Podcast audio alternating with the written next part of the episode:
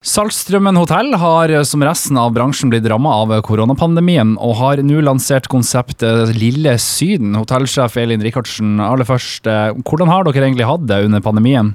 Uh, ja, det har jo vært en tøff tid. Det har vært uh, 14 måneder med litt negativitet. Så vi begynner å bli ganske lei nå, og ønsker oss å komme oss på plass igjen. Dere har lansert Lille Syden. Hva, hva, er det for noe? Ja, Vi har laget oss vår egen Lille Syden i Saltstraumen med snødekte børmastinner som bakteppe. Det er ei lita strand. Som, den er ikke på så veldig mange kvadrat, egentlig. Men det er et lite blikkfang, og skal liksom hjelpe både på vårt humør og på gjestene sitt humør. Så det, det første når du kommer til Saltstraumen og hotellet, så ser du denne søte lille stranda med med fluktstoler fra Bodø fengsel og hengekøye og parasoll. Og mm. litt uh, eksotiske planter rundt.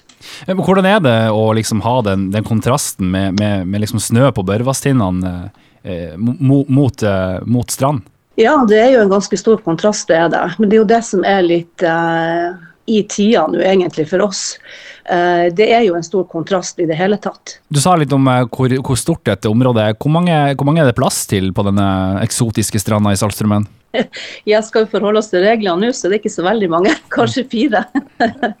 det er akkurat egentlig stor nok plass eh, til et lite blikkfang, og det er bare noen få kvadrater, egentlig. Ja. Hvordan har tilbakemeldingene vært så langt? Du, det har vært kjempegode tilbakemeldinger. Folk har faktisk kommet en, for oss skal se bare på stranda. Så de syns jo det er kjempemorsomt og, og er et lite sånn, en liten sånn hverdagsglede, sånn som så tingene er nå.